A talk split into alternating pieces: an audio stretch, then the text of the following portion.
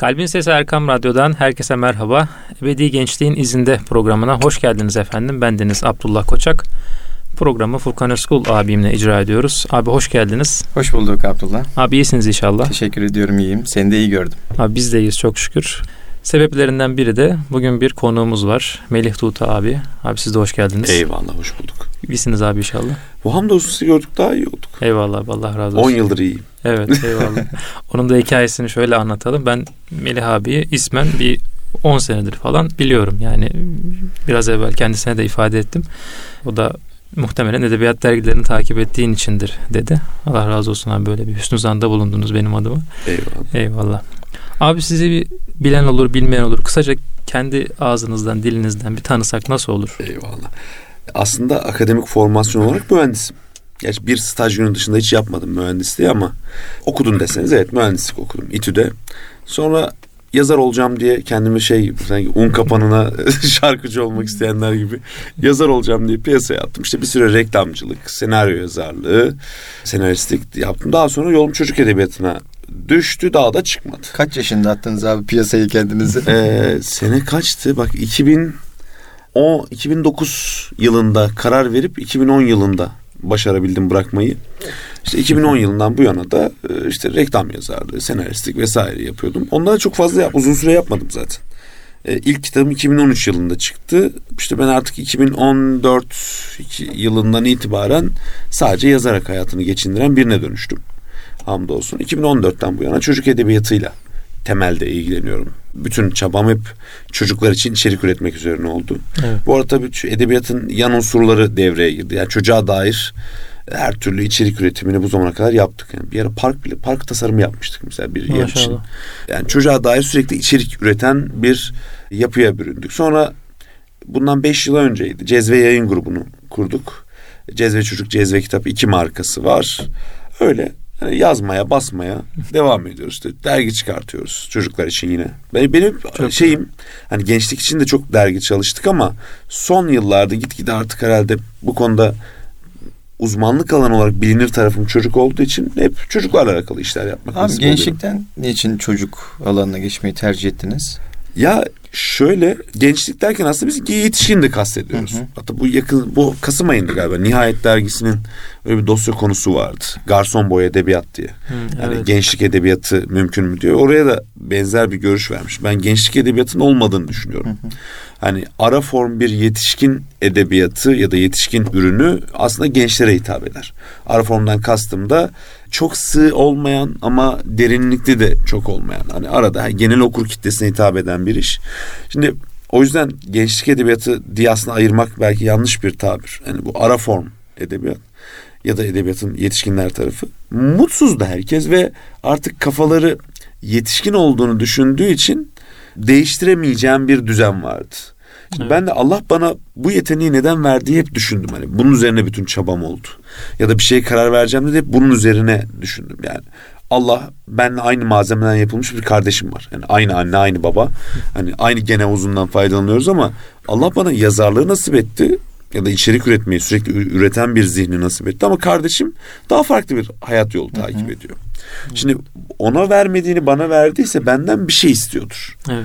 Çünkü hani la yükellifullah nefsen illa bu ayeti hani şeydir yani kaldıramayacağınız yükü vermem. Bu aslında şey demek size bir güç verdiysem bununla alakalı görev vereceğim demektir. Evet. Kaldırabileceğiniz güçle sizi kuşandırdım. O gücü veriyorsa da kaldırabileceğimiz bir iş yapmamız gerekiyor. Boş boşuna vermemiştir. Hani öyle yatırım yapalım sağda solda yastık altında biriktirelim diye o yeteneği. Şimdi burada da Allah benden bir şey istiyor. Ben hep içimde şeyi taşıdım. Yani başkaları için mesela yetişkin edebiyatında yoğunlaşan arkadaşlarımın mesela bu çabayı görmedim. Çünkü onlar daha farklı bir motivasyonla yazıyorlar. Benim yazma motivasyonum kızgınlık üzerine yazdım. Mesela ben bir şey kızdım. Bir mizah yazar için saçma bir tabir bu ama. Evet. Yani ben bir şey kızdım. Dedim ki ya bu çok yanlış bir şey. Sonra yanlış bir şeyi düzeltmek için doğru versiyonunu içeren bir metin çıkarttım. Yani işte sadaka, zekat, infak meselesinin anlaşılmadığından şikayetçiysem bununla alakalı iki, iki tane kitap yazdım. Hiçbirinde sadaka, zekat, infak geçmiyor ama hani evet. temel mantığını oturtturabilmek için işte birinde e, kendine beğenmediğini başka birine önerme demek için yazmıştım ya da başka birine verme yani ya da kendin için beğenmediğin bir şey verdiğinde mesela eski hiç beğenip giymediğin bir kıyafeti bak yepyeni hiç giyinmedim diyerek birine verirsen bu infak değil. Yani bu senin çöpe atacağın bir şey. Sadece çöpe atmayayım da başka birine vereyim deme şekli. Evet. Burada mesela bir ibadet sevabı beklemek çok doğru olmaz. İkincisi de şeydi hani 40 eksi 1 39 eder diyor adam. Yani malım azaldı. Hmm. Ya diyorum hayır azalmadı. Sadaka zekat malı azaltmadı. Ya hani hadis-i şerif var bunlara. Ama diyor 40 eksi 1 39 diyor. Evet. Azaldı. Halbuki 40 eksi 1 49 eder. Şimdi bunu anlatabilmek bilmek gerekiyordu. Bunun için de mesela bir okul öncesi kitabı yazdım. Hmm. Yani ben hep kızgınlık üzerine yazıyorum. Bu biraz da dünyayı değiştirebilme çabası. Evet. Şimdi Allah birileri aracılığıyla dünyayı değiştirir. Kulları aracılığıyla bütün işlerini yaptığı hı gibi. Yani benim dedim ki böyle bir hani Allah'ın beni burada murad etmesindeki sebep bir yerde bir yanlış gör git o yanlışı düzeltecek bir iş yap hani elinle düzeltmeye çalış yoksa dilinle yoksa buğz et. Hani ben de buğz etmeyeyim. Hani elimle ve dilimle düzeltmeye çalışayım diye. Benim elim kitap. Ben o elimle düzeltmeye çalışıyorum. Böyle bir motivasyonum olunca yetişkin de bu işi yapamaz. Yani bir hatta yetişkinler için yazmayı bırakma sebebim bir konferanstı. Bir konferans boyunca şimdi konuyu söylemeyeyim böyle nispeten siyasi sayılabilecek bir konu çünkü. Yani X'in neden Y olmayacağını böyle işte 1400 yıllık İslam geleneğindeki karşılığıyla anlatmaya çalıştım böyle. Ve tezim de şu hani çağ değişti ama insan değişmedi. İnsan Hazreti Adem'den bu yana aynı. Evet. Temel nefsi sıkıntılarıyla beraber. Bunu böyle delillendirerek X'in neden bugün Y olamayacağını, bugün neden yeni bir şey çıkmayacağını o konuda anlattım ve sonunda biri parmak kaldırıp şey dedi. Peki dedi 2000'li yıllarda yeni bir şey çıkamaz mı? Ya dedim bir buçuk saat boyunca ben ne anlattım? Hani bunu anlatıyorum zaten. dedim ki ben o kişinin fikrini değiştiremeyeceğim. Çünkü benden kendi fikrini söylememi bekliyor. Hmm. Evet. Bir yetişkin yetişkin kelimesinde de zaten bu açıdan bir marazlı bir kelime yani. Yetişti bitti. Yani dükkanı kapattı artık evet, emekli. Evet. Ben o kişiye bir şey katamayacağım. Çünkü benim yazma motivasyonu birilerini değiştirmek üzerine. Evet. Değişimine vesile olmak üzerine. Şimdi yanlış da bir kelime kullanmayayım. O Değiştiremem. Yaş, yaş ağacı eğmek üzere. Aynen öyle. Evet. O yüzden benim yaş ağaçla çalışmam gerekiyordu. Evet. Çocuklara yöneldim. Anladım. Aslında çok stratejik, çok önemli bir mesele. Yani çocuk edebiyatı, çocuklarla ilgili yayınlar, içerikler. Maalesef şu an en çok gördüğümüz e, yanlışlardan bir tanesi de hani e, özellikle genç anne babaların çocukların eline vermiş olduğu telefonlar olduğunu görüyoruz. Evet.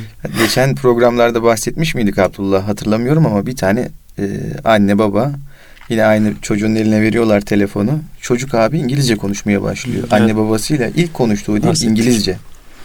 E, ve e, çocuğun ana dili İngilizce. Şimdi şöyle bir soru geliyor akla. Bu çocuğun annesi biyolojik olarak o annesi mi yoksa hmm. e, eline almış olduğu telefon mu? Öyle evet. değil mi? Hatta öyle bir mevzu şey de var bu arada galiba.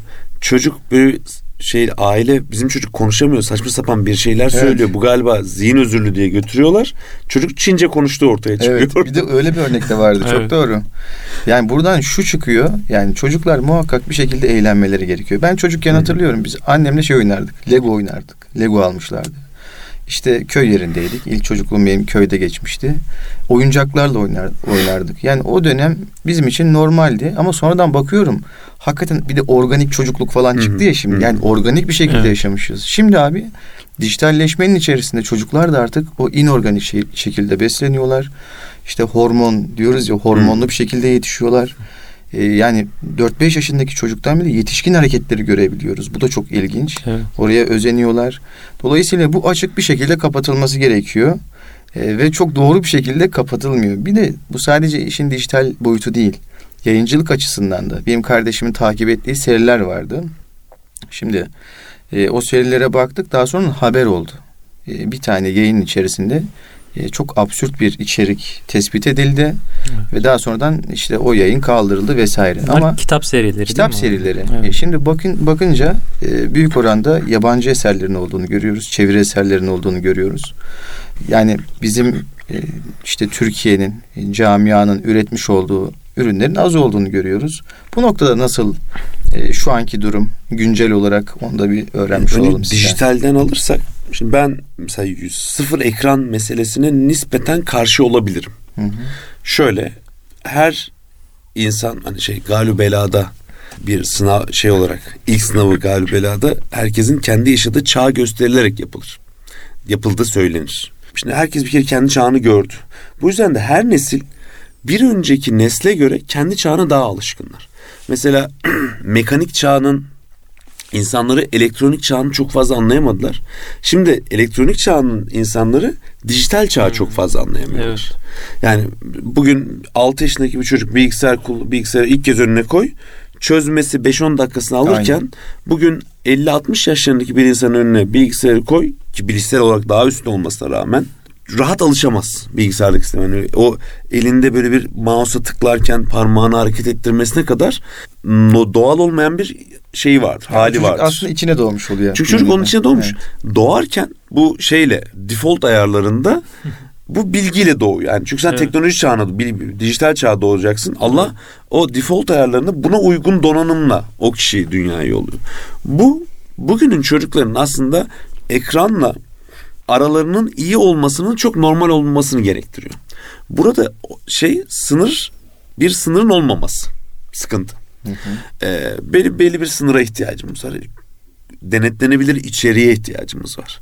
Bu açıdan temiz dijital içerik üreticilerine de ihtiyacımız var. Yani buradan bir müteşebbis, bir yatırımcı dinleyen varsa mesela bir hani geleceğin yatırım alanlarından biri özellikle medyada denetlenebilir içerik sağlayıcılar ya da güvenilir içerik sağlayıcılar. Bunlar birkaç tane duyduğum proje var bununla alakalı. Sayısı 50 tane, 100 tane de olsa aynı rağbeti görür. Çünkü çok açık var. Yani birisi e, sadece güvenilir olmak iddiasıyla yetişkinlerin gönlüne taht kurabilir. Burada bir sıkıntı var sadece. Çocukların gönlüne taht kuramıyorlar. Hmm. İşte buradan lafımızı hemen çocuk edebiyatına çekebiliriz. Çocuk edebiyatında yıllardır bu işte 50 yıllık bir sıkıntıdır. E, ya da 100 yıllık bir sıkıntıdır. Çocuklar 100 yıllık değil gerçekten modern pedagojinin hmm. çok gündeme gelmesinden sonra böyle bir sıkıntı ortaya çıktı. Hmm. 50 yıl diyelim buna yetişkinlerin çok sevdiği içerikler var. Öğretmenlerin çok sevdiği içerikler var. Ama bunu çocuklar sevmiyor. Çocukların sevdiği içerikleri ise yetişkinler sevmiyor. Evet. Şimdi buradan o zaman ne beklediğimize bakmamız lazım. Biz ne bekliyoruz? Mesela çocuk ne bekliyor kitaptan? Serotonin hormonunu salgılamak istiyor ya da işte testosteron, östrojen salgılamak istiyor. Yani bir e, mutlu olmak istiyor. Hormonlarına hitap eden bir şey istiyor. Çünkü hmm. çocuk haz yani hedonisttir her çocuk aslında. Evet. Hatta İmam Gazali şey diyor. Yani ergenliğe kadar çocuk nefsi emmaredir diyor. Aynen öyle. Evet. Şimdi nefsine hoş gelen içerik istiyor. İşte bu ne? Bu onun aksini sunduğumuzda hoşlanmayarak, reddederek bununla muhatap oluyor. Şimdi yetişkin ne istiyor? Diyor ki bir kitap vereyim. Çocuğa daha ahlaklı yapsın, namaz kılmayı sevdirsin hani inancına göre hı hı. inançlıysa böyle bir ya da işte inançlı değilse bile işte yalan söylemesin işte daha iyi bir insan olsun falan paylaşmayı sevsin kıskanç olmasın. Bunu diyor kitaptan öğrensin. Evet. Şimdi burada beklentiler iki tarafın beklentisinde hiç ortak nokta yok. Şimdi yetişkin o zaman didaktik çocuğa sürekli bir şey öğreten içerik seçmek istiyor. Çocuksa ben diyor sürekli gır gır şamata, geyik ya da işte evet. biraz daha ergenliğe doğru yaklaştıysa işte cinsellik olsun, şiddet olsun, ne olsun, bu olsun. Daha hani daha hormonlu olsun istiyor. Hı hı. Evet. Burada doğru içerik iki tarafın beklentisini e, uyuşturan içeriktir. Nedir? Evet biz çocukların suyuna gitmek zorundayız. Yani ben bugün bir cümle söyleyebilmek için 180 sayfa kitap yazıyorum. Ve bu 180 sayfa kitabım mesela süper kahramanlarla alakalı bir kitap vardı yazdıklarımın arasında. 120 sayfada çocuklardan taraf gözüktüm. Hani süper kahramanları ben de seviyormuş gibi anlattım. Son 60 sayfada gömdüm. Şimdi son 60 sayfada gömebilmek için süper kahramanların e, negatif taraflarını anlatabilmek için o 120 sayfada güven sağlayabilmem gerekiyordu. Evet, o kitleye ulaşmak gerekiyor. O dediler ki ya bu bu da bizden dediler hani böyle. Evet, evet. Yani, sonra o bizden dedikten sonra ikinci söylediğim eleştirilerimi de dikkate aldılar. Evet. Şimdi bu doğru matematiği tutturmak biraz sıkıntılı. Çünkü bir yetişkin kitaptan şey görmek istiyor hani. Mesela böyle terapötik kitaplar var.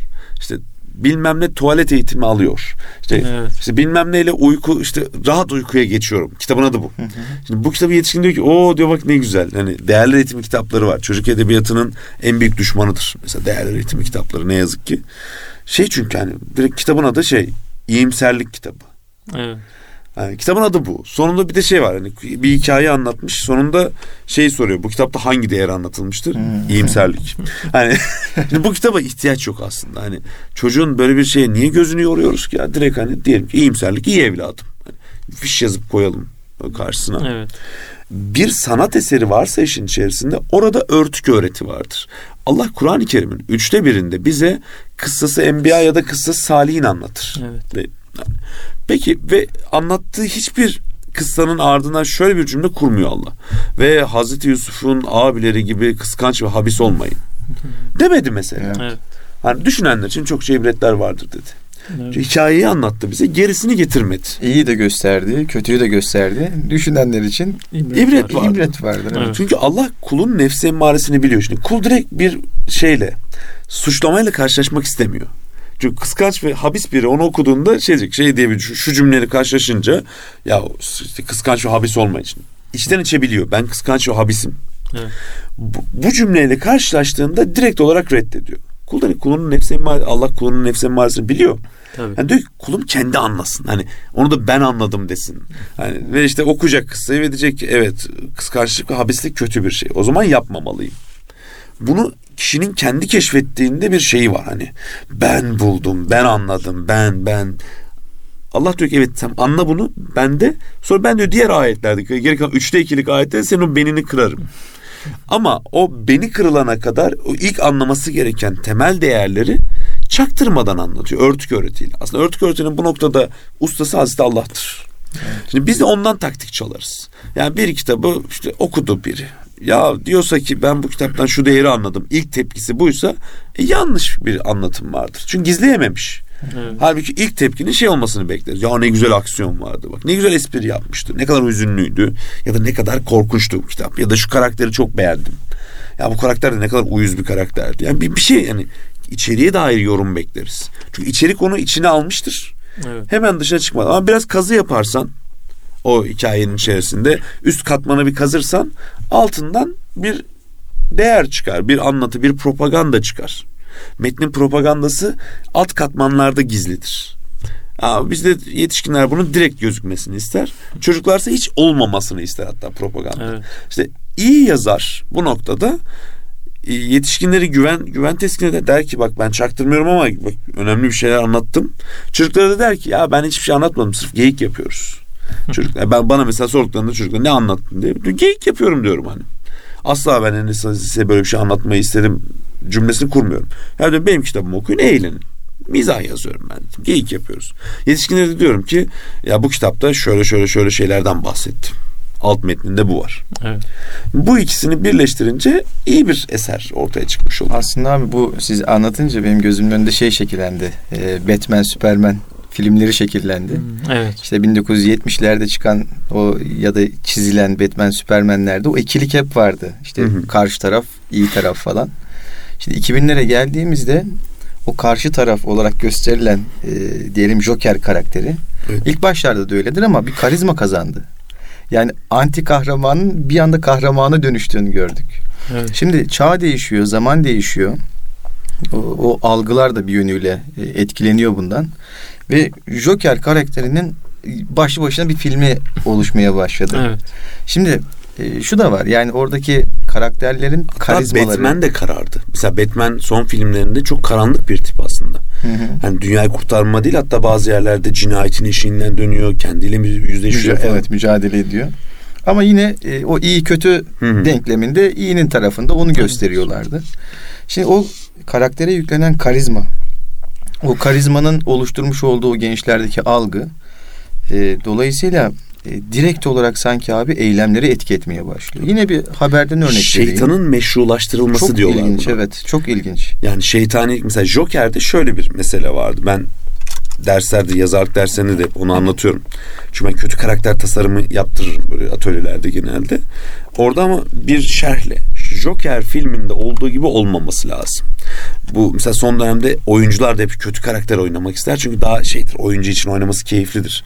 Çok daha numara çekebiliyorlar orada ama Joker filminin şöyle bir içgörüsü var. Diyor ki işte ya Joker çocukken işte böyle suistima, suistimale uğramış. Öyle Travmalar eziyet yaşadı. çekmiş. Böyle olmuş. Travmaları var. Ve sonunda işte böyle bir adama dönüşmüş. Şimdi izlerken o filmin içinde şöyle bir şeye giriyorsunuz. Ya bu ne kadar kötülük yaşamış bu adam. Ya bu adam hani yaşadıysa yapsın artık hani cinayette işler böyle biri. Evet. Halbuki aynı olaylar başından geçen pek çok kişi kötü yolu tercih etmedi. Bu şeytanı meşrulaştırmaktır. Hani bir suç var. Bu suçu aslında o suçlunun hayatındaki travmaları yaptırdı. Şeytanın bu vesileliği meşru bir şey. Hani o adam artık o günah işler. Yani işte cinayet mi işler? Hırsızlık mı yapar? İşte vandallık mı yapar hepsini. Evet. Yani şeytana bir ya da şeytaniliğe bir meşruiyet kazandırıyor. Ve karizma kazandırılıyor gibi geliyor. Yani ne karizma? Çekiyor yani. O sizi evet. çekiyor. Mesela Joker karakterlerini oynayan bütün oyuncular çok meşhurdur. Evet. Yani işte son oynayan neydi? Jacqueline Phoenix'ti galiba. İşte Heath Ledger, işte evet. Nicholas şey Jack Nicholas Nicholson, Jack Nicholson, Jack Nicholson. Yani Nicholson. hep mesela Joker oynayanlar meşhur. Kötü karakter bu kadar meşhur olması ilginç bir şey. Evet. Yani bu kadar karizmatik olması. Evet. Burada bir ara verelim abi isterseniz. Sohbet muhabbet çok iyi ilerliyor ama kısa bir ara verelim inşallah. İkinci bölümde devam edelim. Eyvallah. Erkam Radyo'nun kıymetli dinleyicileri Ebedi Gençliğin izinde programımız kısa bir aradan sonra devam edecek efendim. Huzur bulacağınız ve huzurla dinleyeceğiniz bir frekans. Erkam Radyo, Kalbin Sesi.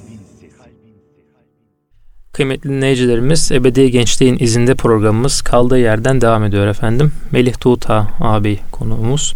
Ee, hakikaten güzel bir sohbet muhabbet oluyor. Abi ben şimdi kendisini tanıtmasıyla başladım muhabbete. Sonrasında böyle olay işte çocuk edebiyatıdır, işte kötü karakterin artık karakter haline gelmesidir. Değişik yerlere gitti. Senin aklında sorular var mıydı Melih abi? Ben açıkçası onu merak ettim. Yani şöyle e, aslında hasbihal diyoruz. Evet. Soru cevaptan ziyade bir soru. Evet, evet. Nehir söyleşi diyoruz. Nehir söyleşi. Çünkü bir soru sordum evet. dediğim gibi. Olay çok başka yere gitti. Şimdi... Cami ne kadar büyük olursa olsun hoca bildiğini okur diyorlar. Eyvallah abi.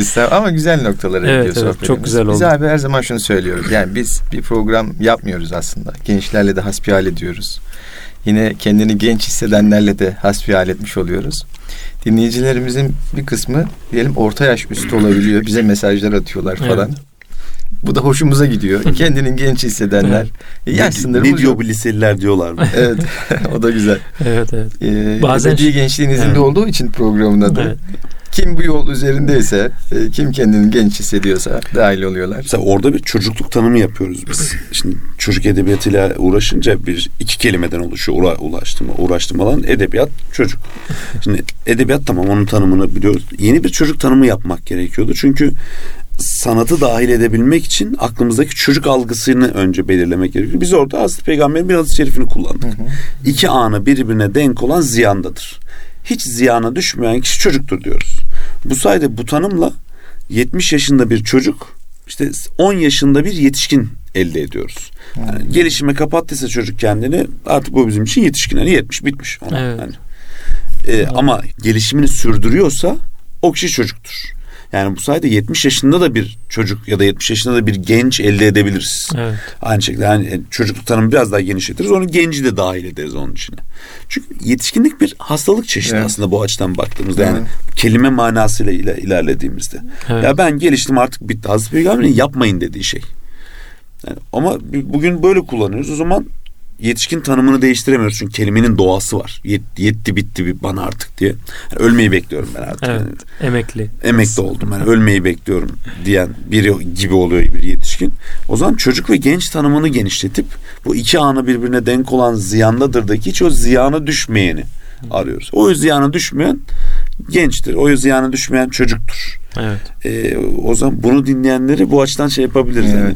Tamam. Yetişkinliği reddediyorlarsa buradayız Allah'ın izniyle. Yani Eyvallah. bu da güzel bir örnek oldu şu bağlamda. E, ee, 60-70 yaşlarında tanıdıklarımız olabiliyor. Evet. Şimdi bakıyorum abi, gözlemliyorum. E, gözlerin içi parlıyor. Yani hala parlıyor. Diyorum ki sanki içinde bir genç var. Hani diyelim ki bir çocuk Hı-hı. var sadece üstüne bir şey giydirilmiş. Hani evet. e, bir kılıf var Tabii, gibi geliyor. Buruşuk bir kılıf Tabii, var üstünde. Ama evet. içinde ne abi böyle bir yaşam enerjisi e, kaynıyor. E, sürekli bir şeyler yapmak istiyor. Güne çok erken başlıyor. Bazen kendime bakıyorum ben. Onun kadar enerjik olmayabilirim diyorum evet. yani. O, o da ilginç bir durum. Bu da biraz hislerle ilgili. İnsan nasıl hissediyorsa dünyayı da öyle görüyor. Nasıl görüyorsa öyle yaşamaya başlıyor.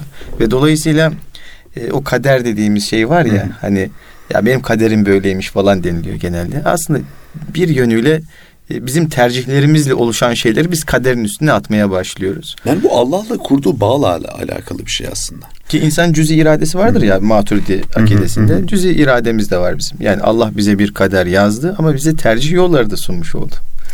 Yani bu noktada Allah kurduğu bağla alakalı dediğim şu. Dünyada ol mesela bir Müslüman için emeklilik yoktur aslında. Evet. Haftalık tatil, yıllık izin bunlar söz konusu şeyler değiller. Evet. Hani arada bir bayramda başka bir iş yaparsın. Yani bayramlar yorucudur mesela. Hani evet. o da tatil değildir aslında. İşe mola verirsin başka bir iş yapmak için işte ne bileyim sıla rahim için, işte kurban kesmek için bir şey için kullanırsın. Haftalık izin dahi çok aslında bir Müslüman yaşantısında yeri olmayan bir şeydir.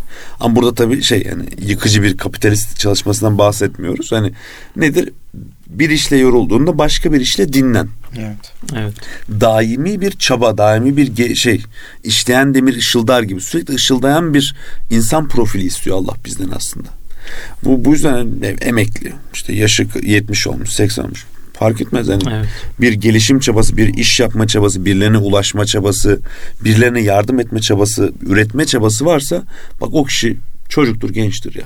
Başımızın üstünde yeri var. Aslında Ama hani, Allah bizden sürekli genç olmamızı sürekli istiyor. genç olmamızı istiyor. E o yüzden e, cennette kaç yaşında?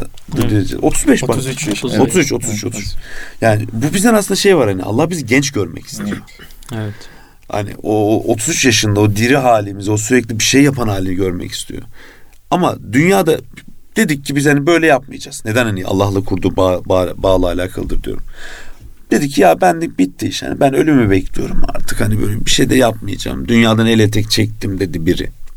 Bu şey demek aslında. Ya Rabbi yani sen bana yanlış zaman verdin. Hani benim aslında dünyada işim bitti. Sen çok bilmiyorsun bu işi.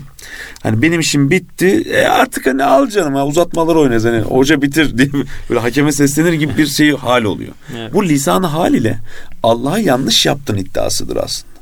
Hayır Allah sana dünyada bir vakit verdi senden hala bir şey bekliyor. Hani bu yine Allah beni dünyaya neden yolladı sorusunun bir cevabıdır hmm. aslında her yaşta her daim kendimize sormamız gereken soru. Allah benden ne, be ne bekliyor? Yani? Evet. Beni niye yarattı? Ben niye bugün buradayım? Başıma gelen niye başıma geldi? Bunda muhakkak Allah'ın bir takdiri ve bir maksadı var. Allah bir şey söylemek ister. Sürekli bize. muhasebe makamında bulunmamız gerekiyor bir yönde. Yani şey var bir tane Bektaşi babası bir gün Cuma'ya gidiyor. İlk kez hayatında Cuma'ya şey namaza girmiş. Ve hutbede hoca şey diyor Allah'ı göremezsiniz, Allah'a dokunamazsınız, Allah'la konuşamazsınız falan.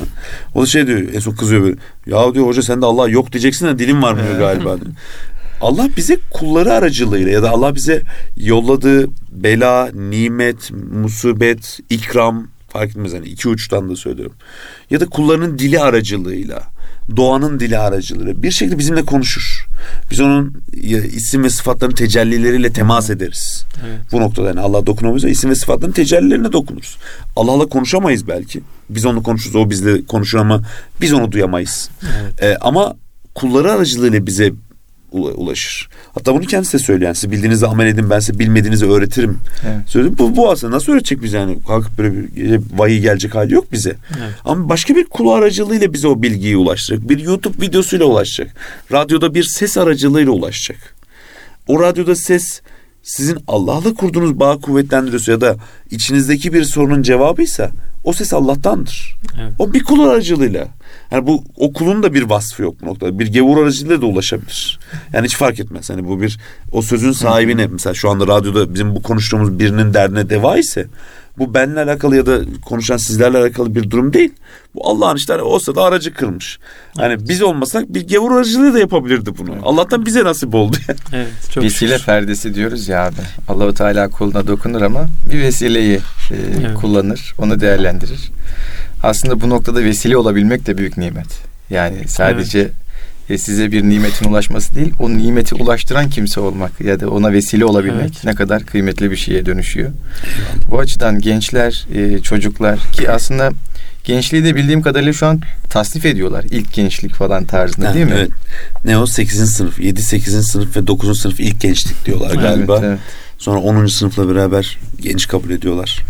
Ben düşünüyorum bazen abi ben ne zaman çocukluğum, ne zaman genç olduğum, ne zaman işte orta yaşa doğru yürüyoruz falan diye. Hiç evet. o ayrımı tam olarak koyamıyorum yani aslında. Kötü bir ergenlik yaşadığım için onu biliyorum yani. yani böyle 24 yaşına kadar ergenliğim sürdü galiba. Hani huy olarak böyle bir aksi pis bir adamdım. Yani sonradan Allah Allah şükür biraz daha düzeldim galiba. Yani o da o da ilginç. Yani bu tasnifler ne kadar doğru. Yani ben kendime bakıyorum şimdi. O pedagoji kitapları falan dediniz ya. E, kısmen onları da okumuşluğumuz oldu e, üniversitedeyken sonraki dönemlerde. Yani 0-6 yaş, 6-12 yaş, 12-18 yaş arası denildiğinde o 12-18 yaş arasını falan çok çok hissedebildiğimi düşünmüyorum doğrusu. Yani hep böyle yine gençlerin içerisindeydik. Yani gençlik derneklerinin Hı. içerisindeydik. Orada büyüklerimiz vardı, abilerimiz, amcalarımız vardı. Biz bir faaliyetin içerisinde olurduk. Derken yıllar ilerledi. Üniversiteye başladık falan derken yani o e, ya ben, biz anlamadık ya da e, biraz e, işin mekaniği farklı işliyor. Ya bu hususta ne düşünürsünüz? Evet. Ya orada şöyle bugün için söylersek hani o mesela dediğin bir, bir şekilde bir çabanın içerisindeydik. İşte o gel, şey dönemi yani ergenlik dönemi hayhuyun içerisinde geçti. Bugün mesela az önce dediğim gibi ben 23-24 yaşında ergenlikten çıktım diyorum ama bir, o kadar da abartısı biraz. Bugün o ergenlik hiç bitmiyor. 30 yaşına hmm. kadar uzuyor. Sebebi şu. Bunu biraz da hatta erkeklerin ergenliği, erke, genç erkek çocukların ergenliği bu kadar sürüyor. Evet. Hatta radyoda o kadar kaba bir şekilde söyleyemeyeceğim. Şimdi normalde kendi aramızdaki muhabbette daha kaba bir ifadeyle söylüyorum ama Müslüman genç erkeğin çok acayip bir çocuksuluğu var. Bebeksiliği yanlış bir kelime. Bebek gibi.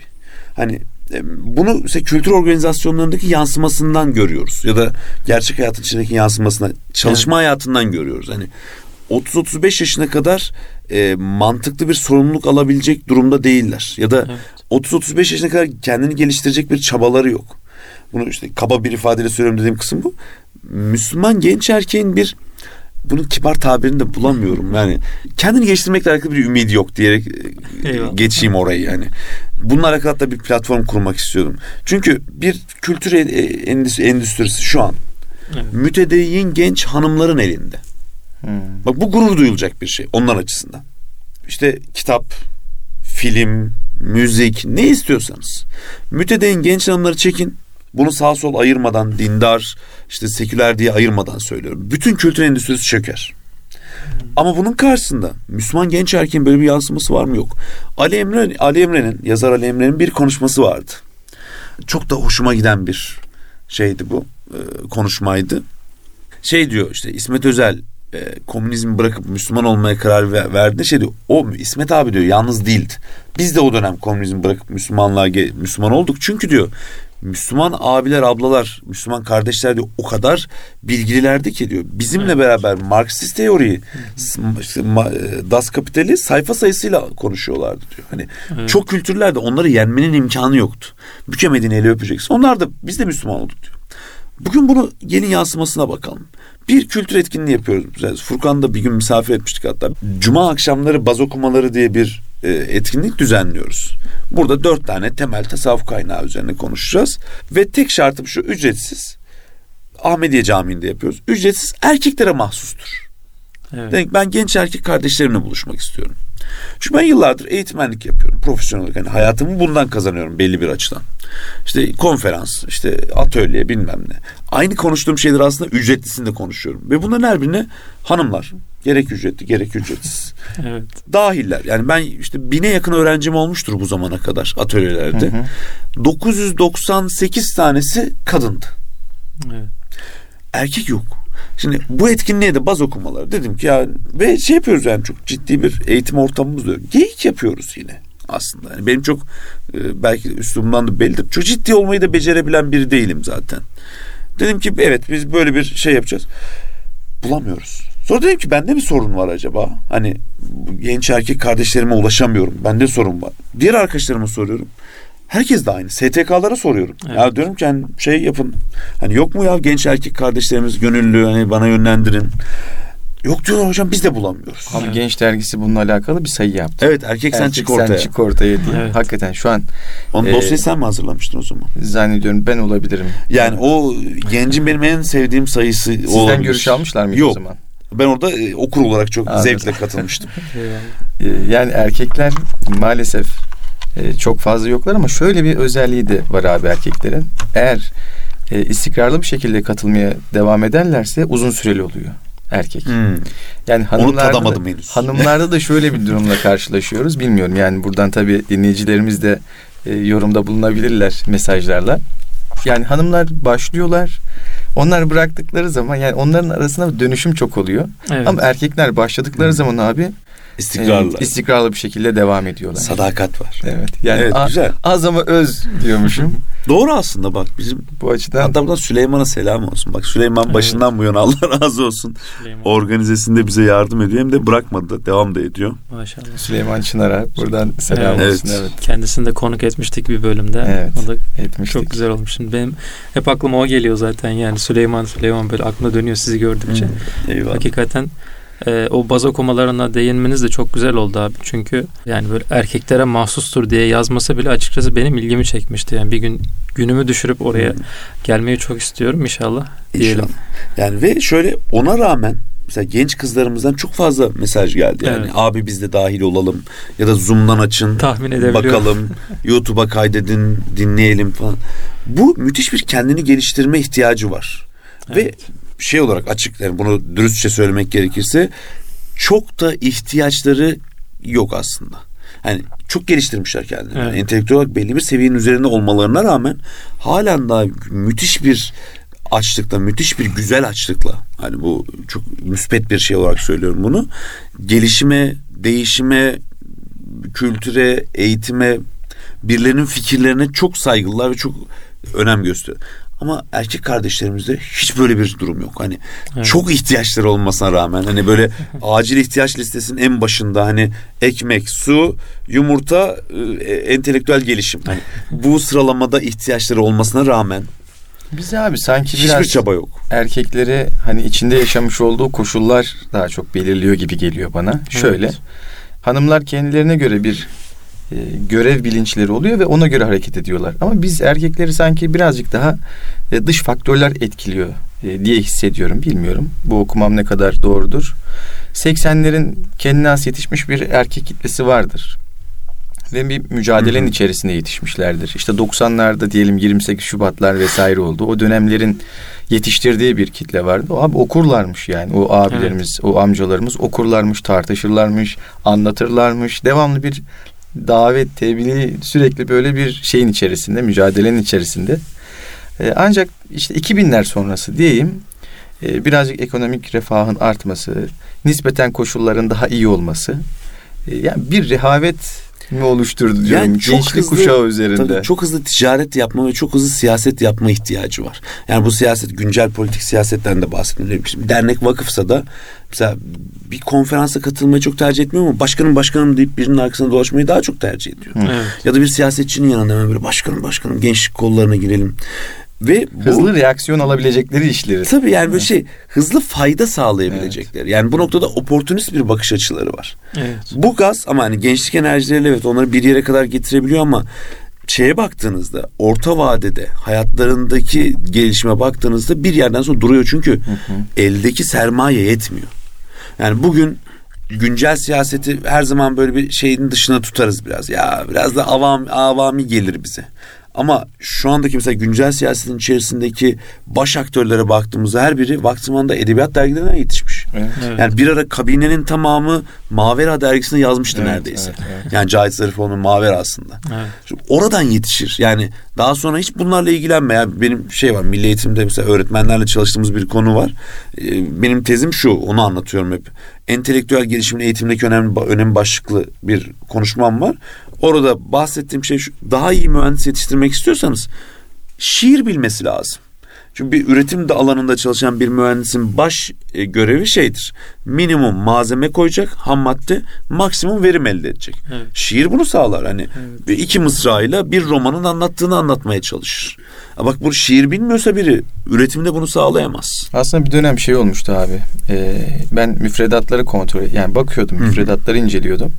Örneğin Galatasaray Üniversitesi'nde diyelim ki Descartes dersi var. Dersin adı Descartes. Şimdi düşündüm kendi kendime.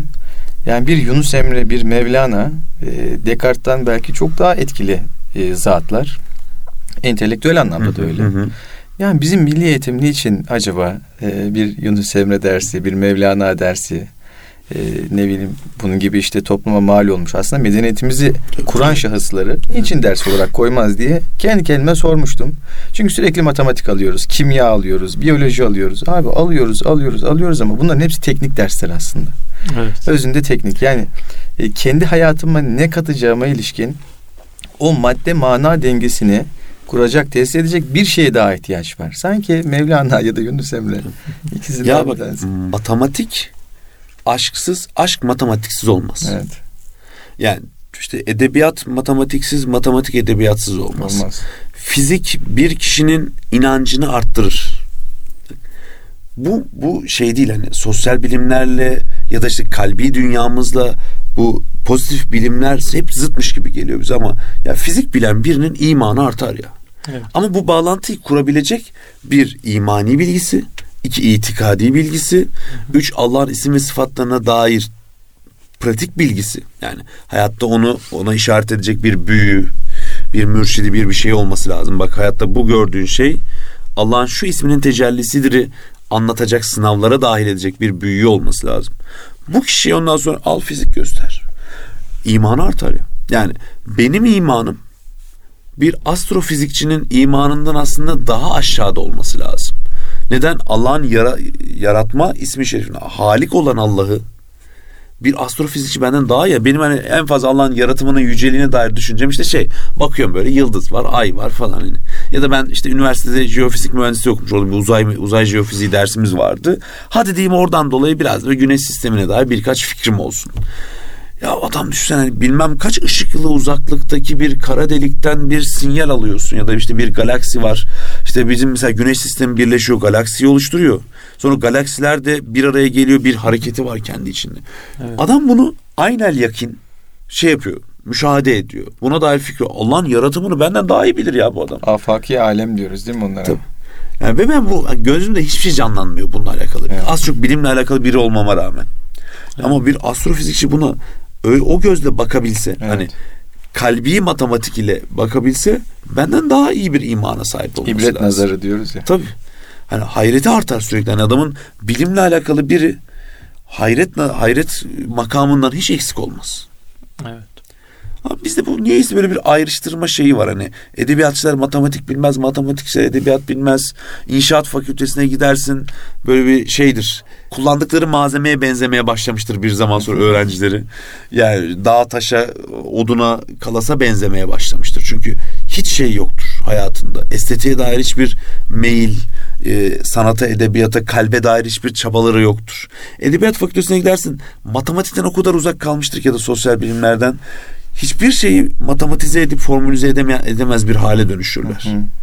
Yani bu noktada mesela Teoman Dural'ın rahmetlinin hani bilim felsefesiyle alakalı ya da bugün İhsan Fazlıoğlu'nun yaptığı şey biraz böyle çoğu kişide böyle havada kalıyor. Çünkü bu ikisi sanki hiç bir araya gelmeyecekmiş gibi evet, bir hal var. Evet. Aslında onlar hepsini aynı düzlem üzerinde eritip onu tekrar bir damatıp o özü alıp yedirmek lazım. Evet. Ee, bu şekilde e, düşünüyorum ben de abi. Abi Allah razı olsun. Allah sana Gel, razı olsun. Geldiğiniz için süremizin yavaş yavaş sonuna geliyoruz. Ben şahsen yani tanıştığıma da programı e, teşrif etmenize de e, ve programın içeriğine de çok memnun oldum. Eyvallah. Allah razı olsun. Burada sonlandıralım inşallah. Son olarak abi baz okumaları onu nerede yaparsınız, nasıl yaparsınız ee, bir daha anlatmanızı Her cuma akşamı e, yedi buçukta Ahmediye Camii'nin Kur'an kursu tarafı var arka tarafında. Medrese tarafı. Üsküdar'da tabii. Evet. İstanbul, Üsküdar, evet. Ahmediye Camii. da sanki böyle herkes Üsküdar'daymış gibi oldu. Eyvallah. Ee, İstanbul, Üsküdar, Ahmediye Camii'nin medrese tarafında e, yedi buçukta buluşuyoruz. Ee, bitiş süresi e, demimize bağlı olarak değişiyor. Ee, yedi buçuk sekiz arasında başlamış oluyoruz. Sadece erkeklere mahsustur. Bak evet. bunu tekrar söylüyorum. Eyvallah. Genç kardeşlerimi bekliyorum. Yani hakikaten bu şey e, yıllarca biraz kendi tekamülümle de alakalı bir şeydi. Genç kardeşlerimden uzak kaldım. Çünkü ge- geçmişi kendi gençliğime dönmekten korktuğum için oradan uzak duruyordum biraz. Onlarla tekrar buluşmak gibi bir muradım ve arzum var. Eyvallah. Eyvallah abi. Çok güzel oldu abi. Yani çünkü bu muhabbet çok güzel gitti. Devamını arayanlar olacaktır diye düşünüyorum. Eyvallah. Onlara da böyle bir yol göstermiş olalım. Erkam Radyo'nun kıymetli dinleyicileri Ebedi Gençliğin izinde programımız burada sona erdi. Haftaya görüşünceye dek sağlıcakla kalın. Allah'a emanet olun efendim.